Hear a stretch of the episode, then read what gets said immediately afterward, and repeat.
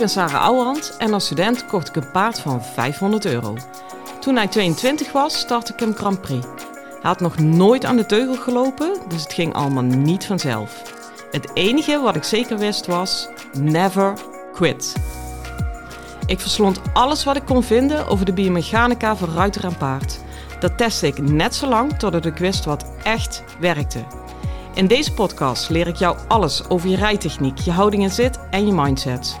Want ook jij kan naar de Grand Prix gaan, zelfs als je geen miljoenenpaard hebt. Hey lieve paardenmensen. Nou jongens, het is weer uh, voor mij althans, voor jullie zeer zeker niet. Maar misschien ook wel, weet ik veel wanneer je luistert. Maar het is voor mij in ieder geval zaterdagavond. En dat betekent dat mijn werkweek af ben het ronden. En uh, ik moet je heel eerlijk zeggen, ik was uh, zo, zoals ze dat in Brabant zeggen, kijk pot. Dat ik dacht, weet je wat, die podcast, ik uh, bewaar hem voor dinsdag en dan spreek ik hem hartstikke mooi en leutig in. Um, maar het goede nieuws is, en dat vond ik echt heel tof om te merken, is, ik kon het helemaal niet loslaten. Ik dacht, nee, ik ga toch even zitten, omdat ik merk, um, ja, weet je, ik breng jullie veel in die podcast, maar weet dat jullie mij ook ongelooflijk veel brengen. Ik heb het al eerder gezegd, ik heb nou uh, de eerste twee maanden 15.000 downloads. Ja, dat is voor de niche padenmarkt gewoon ongekend veel. Um, dus als ik nou nog heel graag een energieboost wil geven, dan denk ik even daaraan. En ik voel ook ontzettend veel wisselwerking. Um, ik krijg bijna dagelijks berichten via welk kanaal dan ook, overigens het liefste per mail. Maar goed, dat terzijde. Van mensen die um, hierop, ja, zoals ze dat met een mooi woord zeggen, resoneren. Dus ja, weet je, um, dan ga ik echt met liefde nog even zaterdagavond uh, op mijn bed zitten voor jullie. Sorry, mijn keel is wel na negen lessen een beetje hees. Ik ben vandaag in Nune geweest. En dat was uh, een uh, combinatiedag. Dan geef ik eerst een, workshop op de mat. En daarin gaan we eigenlijk zonder paard kijken naar je lichaamsgebruik en hoe je dat effectiever en slimmer in kan zetten op je paard. En daarna krijgt iedereen nog een privéles om dat helemaal uit te werken. Um, ja, het was voor mij echt, echt een feestje. Als ik toch zie hoeveel moeite mensen hebben gedaan om bij me te komen. Uh, er was één stel, Monique en Cindy, die hebben er zelfs een overnachting aan vastgeplakt. Er was één iemand die had, nou ja, hou me vast, maar volgens mij drie uur enkele reis. Um, en het gaat niet om die overnachting of om die drie uur. Sorry, ik ben. ik ga proberen dit te beperken, maar mijn keel werkt niet altijd mee de laatste tijd. Maar het gaat voor mij om de effort en de instelling die daarachter zat. En ik zat net te denken, weet je, ik heb momenteel, afgelopen maanden heb ik een coachingprogramma gedaan. En dat ging helemaal niet uh, over paarden, maar meer hoe zet je fundamenteel een bedrijf op. Nou kan ik natuurlijk niet zeggen dat dat nog niet gelukt is, maar het kan altijd beter. Ook daarin ben ik lekker eager. Um, en dat gaat dan over, een van de eerste vragen is, wie is je ideale klant? Nou, ik heb nog steeds geen antwoord tot irritatie van die coach aan toe, want ze vindt dat ik hem echt absoluut per se moet hebben. En dan moet je zo'n ideale klant beschrijven in termen van kenmerken. Um, ja, ik word daar altijd van dit soort dingen altijd heel erg vervelend van, omdat het um, bij mij echt aversie tegen hokjes oproept. Dat zegt ook iets uh, over mij. Ik heb een kleine karakterfout. Ik heb namelijk een klein um, autoriteitsprobleem en daar hoort dit ook weer bij. Ja, van de andere kant meen ik het wel dat ik denk, ja, weet je, ideale klant, dat kan ik hier in mijn eentje wel gaan zitten te verzinnen. Uh, maar waarom ik daar ook op vasthaak, los van mijn karakterfout, is omdat ik er heel erg in geloof dat het, uh, ja weet je, het is niet alleen aan mij, het is ook aan jou. Of ik bij je pas en of het klopt. Want ik kan bijvoorbeeld wel hier in mijn eentje op zaterdagavond op de slaapkamer, omdat de kinderen beneden zijn, gaan zitten te bedenken dat mijn ideale klant de wereldkampioenen zijn. Maar ja, als die mij niet bellen, dan wordt het wel een beetje lastig, hè? Nou zeg ik dit trouwens, en is wel dan weer stom toevallig, of ook weer niet helemaal, dat ik deze week Jeroen Dubbeldam aan de telefoon had. Ja, dat is natuurlijk wel even joepie joepie. Eh, die belt mij na het weekend even terug, want we gaan afspreken om samen een les te verzorgen aan een combinatie. Maar weet je, als ik nou alleen van Jeroen Dubbeldam moet gaan leven, ja, uh, dan uh, heb ik een stille werkweek. Zo is het dan ook wel weer. Daarnaast gaat het mij niet alleen over de Jeroen Dubbeldam, maar over de persoon die erin zit. En dat zag ik vandaag ook weer. Um, eigenlijk ongeacht niveau, het punt waar de effort in zat, ja, dat, dat, dat, die mensen zijn ook op een bepaalde manier gecommitteerd aan de les, aan mij, aan het proces. Ja, jongens, dan ga je zo sky high. Doe jezelf nou een plezier en stap daarin. Um, ik heb bijvoorbeeld ook wel, en ik weet dat ik altijd het gevaar heb dat ik dan voor eigen uh, predik, maar ik heb bijvoorbeeld ook die trainingsdagen, die zijn in Domburg en in Deurne. Ja, en inderdaad, voor sommige mensen is dat een stukje rijden. Maar als ik nou even een keer heel eerlijk ben, ik kan dat argument eigenlijk niet meer horen. Want ik denk, ja, dan kom je een dag eerder. Er is altijd plek om een dag eerder alvast te landen. Je kunt daarna vier dagen vertoeven. Prop je paard vol met hooi op de trailer. Maak voor mijn part een tussenstop. En even de paarden die echt issues hebben daar gelaten. Hè? Want ik ben altijd de eerste die dat soort dingen begrijpt. Maar meestal merk ik dat het ervoor wordt gezet, omdat het stiekem toch wel heel erg spannend is. Uh, en dat snap ik ook, want ik duik ook niet zomaar vier dagen in een groep. Maar ik wil wel echt all the way gaan. En um, ja, ik wil alleen maar zeggen dat als ik die mensen tref, dat ik daar gewoon ontzettend blij van word. En dat de kwaliteit van je eigen les dan ook gewoon echt de lucht inschiet. Terwijl de mensen die ik binnen heb moeten leuren, wat ik overigens al nooit doe, maar spreekwoordelijk, omdat ze eigenlijk alleen maar die tijd kunnen of zus of zo en met een hoop vijf en zes komen. Ja, dat werkt altijd door. En dat is gewoon omdat je op een bepaalde manier in die les zit. Um, ja, het, het stroomt minder, het werkt minder. Uh, en laat ik dan niet voor eigen parochie prediken. Als je, als je dat niet met mij hebt, vind ik dat duizend procent oké. Weet je, je hoeft het maar te weten. Maar doe jezelf wel een plezier en ga alsjeblieft voor het maximale. Oké? Nou, ik, ik weet dat ik dit vaker zeg, maar ja, ik weet wat het mij gebracht heeft. En daarom gun ik het iedereen dat je daar zo in terecht komt. En wil ik eigenlijk juist dat je de beren of de rotexcuses of de, hoe wil je het noemen, belemmerende overtuigingen, die je allemaal hebt om dingen die jou echt een betere ruiter maken. En voor mijn part, als dat een boswandeling is, dan is het een boswandeling. Als je die niet doet, oh jongens, ehm, denk aan hoe de hemel openbreekt als je een fijne rit hebt op je paard. En ga ervoor. Oké? En ik wil je heel graag weer een stukje in die richting helpen. Dat is iets wat ik met meerdere ruiters vandaag behandeld heb of doorgewerkt heb. En dat gaat over naar de hand toerijden en dan wel naar de hand toerijden de next level.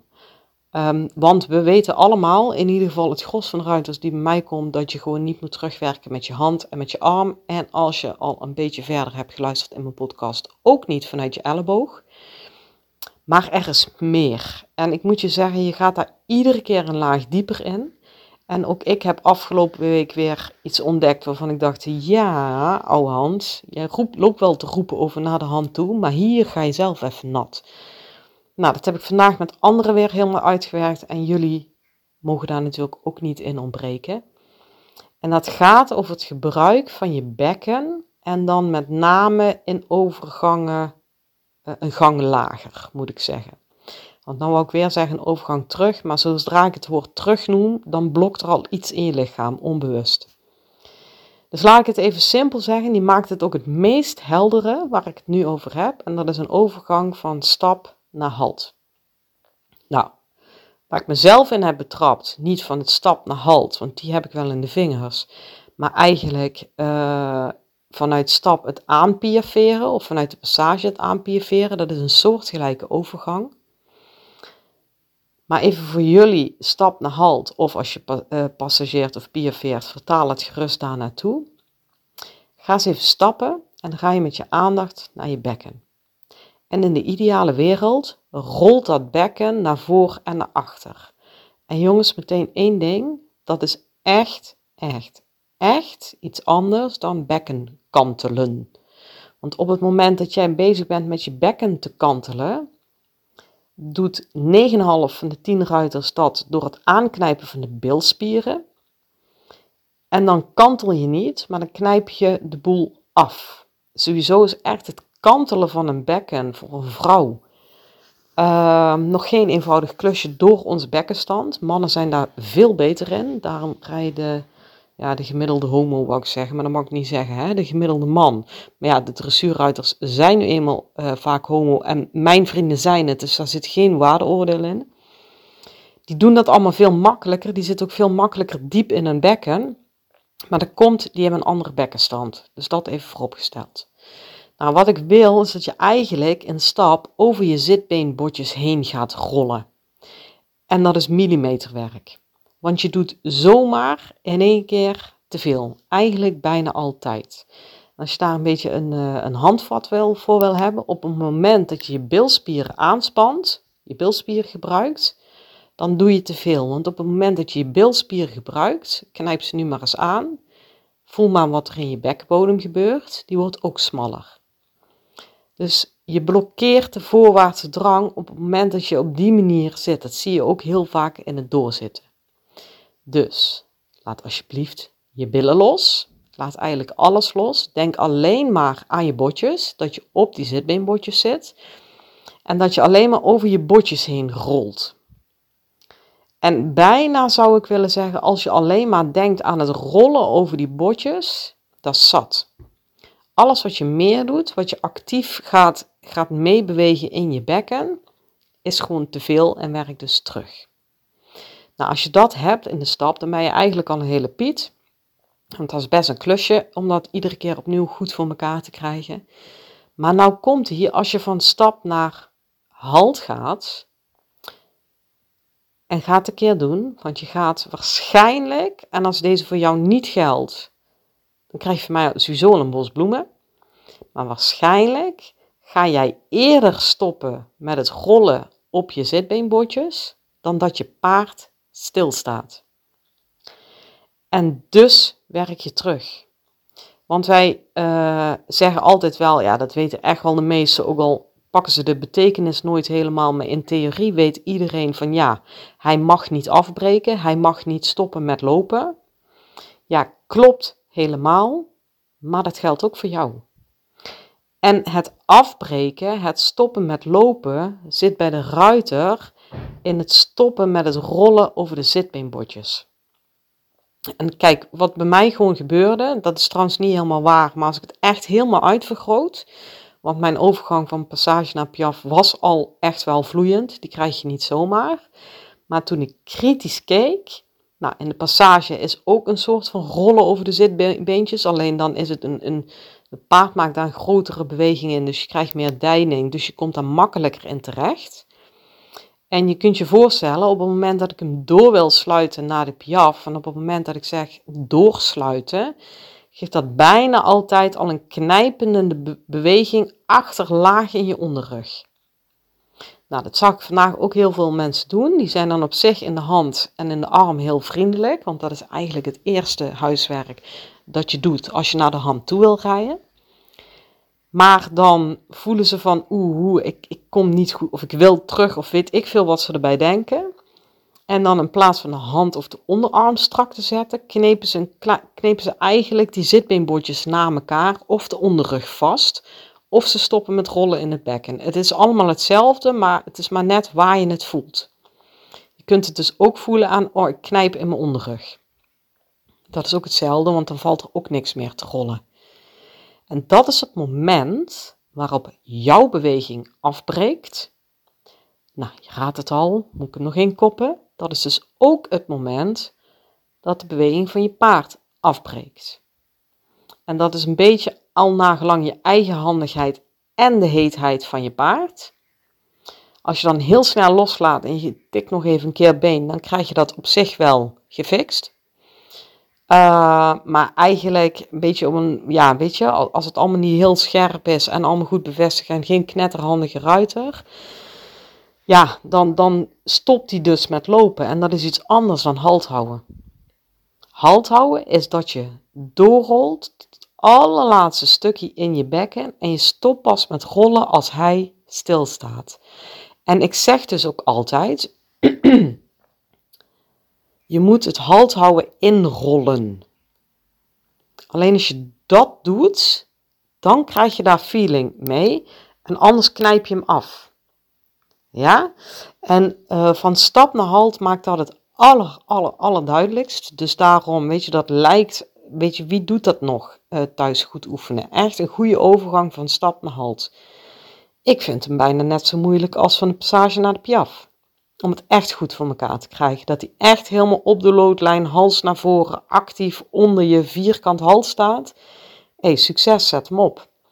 Maar hier zit dus vaak al een stuk van, ja, je, je bent in je hand wel aardig, maar eigenlijk in je gewrichten merk je nog steeds terug. Nou, dat kun je ook bijvoorbeeld zien als je een overgang maakt van de draf naar de stap. Dan is het echt draven, draven, licht rijden, licht rijden. En dan opeens gaan ze zitten, eigenlijk ploffen ze neer. Knijpen ze die onderrug samen. Uh, ja, daardoor knijp je de beweging af en gaat hij vanzelf stappen. Dat klopt. Maar dat is geen goede overgang. Nou, wat daar heel erg bij helpt, en die tip heb ik eerder gegeven, maar weet je, niks mis met een beetje herhaling. Dit kun je onderbreken als je gaat draven en je gaat lichtrijden. En dan maak je een overgang naar de stap. En dan wil ik dat je, en dan moet je hem echt zo doen. Het is kunstmatig, maar het helpt enorm. Dat je hem tot de met de eerste stap pas. Dus hij stapt en doe je nog één pas lichtrijden. Dus je gaat helemaal nergens doorzitten. Maar je blijft licht rijden tot en met de eerste stap pas. En als je het zo doet, in het begin denk je, hmm, raar opdracht, ik doe maar zo, maar goed, het zal wel. Maar als je hem zo doet, dan ehm, ga je heel, heel duidelijk in kaart krijgen waar jij afbreekt in de beweging. Want dan wil je namelijk stoppen met lichtrijden. Terwijl als je, ik draai hem om, als je blijft lichtrijden, dwing je jezelf om in het ritme te blijven. Je, je kunt niet en jezelf afknijpen en lichtrijden. Dat gaat niet. En daarom zeg ik, en die is echt zo belangrijk tot en met de eerste stap pas. Want ook die eerste stap pas, dan knijpen ze vaak nog even door. Dus daar moet je die nog even pakken. Dat kun je daarna natuurlijk wel afbouwen. Maar die, ja, die brengt dit echt maximaal in beeld. Nou, wat ik dan zelf wel eens doe als je passage Piaf rijdt, is ook nog wel een heel interessante. Dat is pas echt kunstmatig. Maar doe, doe dat dus terwijl je licht rijdt. Ga eens in de passage licht rijden. En dan ga je licht rijden naar de Piaf. Ja, dat is een klusje. En dan heb je wel even wat last, want je hebt eigenlijk de informatie in je bekken nodig om goed te kunnen monitoren, dat snap ik. Maar om ritme te kunnen behouden, is dit ook nog wel eens een hele ideale, want dan kun je hem ook niet naar de piaf toeknijpen, maar dan moet je hem naar de piaf toe rijden. En alles wat die overgang dan minder strak wordt, weet je dus dat je dat eigenlijk nog een stukje vanuit de knijp in je onderrug doet. Nou, jongens, ik ehm, ben hier zelf alweer twee weken mee zoet. Ik blijf hier mee zoet, want je kunt het iedere keer op een diepe niveau overal in, in uitvogelen. Natuurlijk ook in de zijgangen en noem het allemaal maar op. Daar ga ik heus nog wel een keer op terugkomen. Maar voor nu ga ik echt lekker weekend vieren en wens ik jou een hele fijne dag en veel plezier met je paard. Hoi! Lieve ruiters, dit was hem weer voor vandaag. Waardeer je mijn tips? Geef me sterren op Spotify en iTunes. Dat voelt voor mij als een dankjewel. En geef je paard een knuffel van me.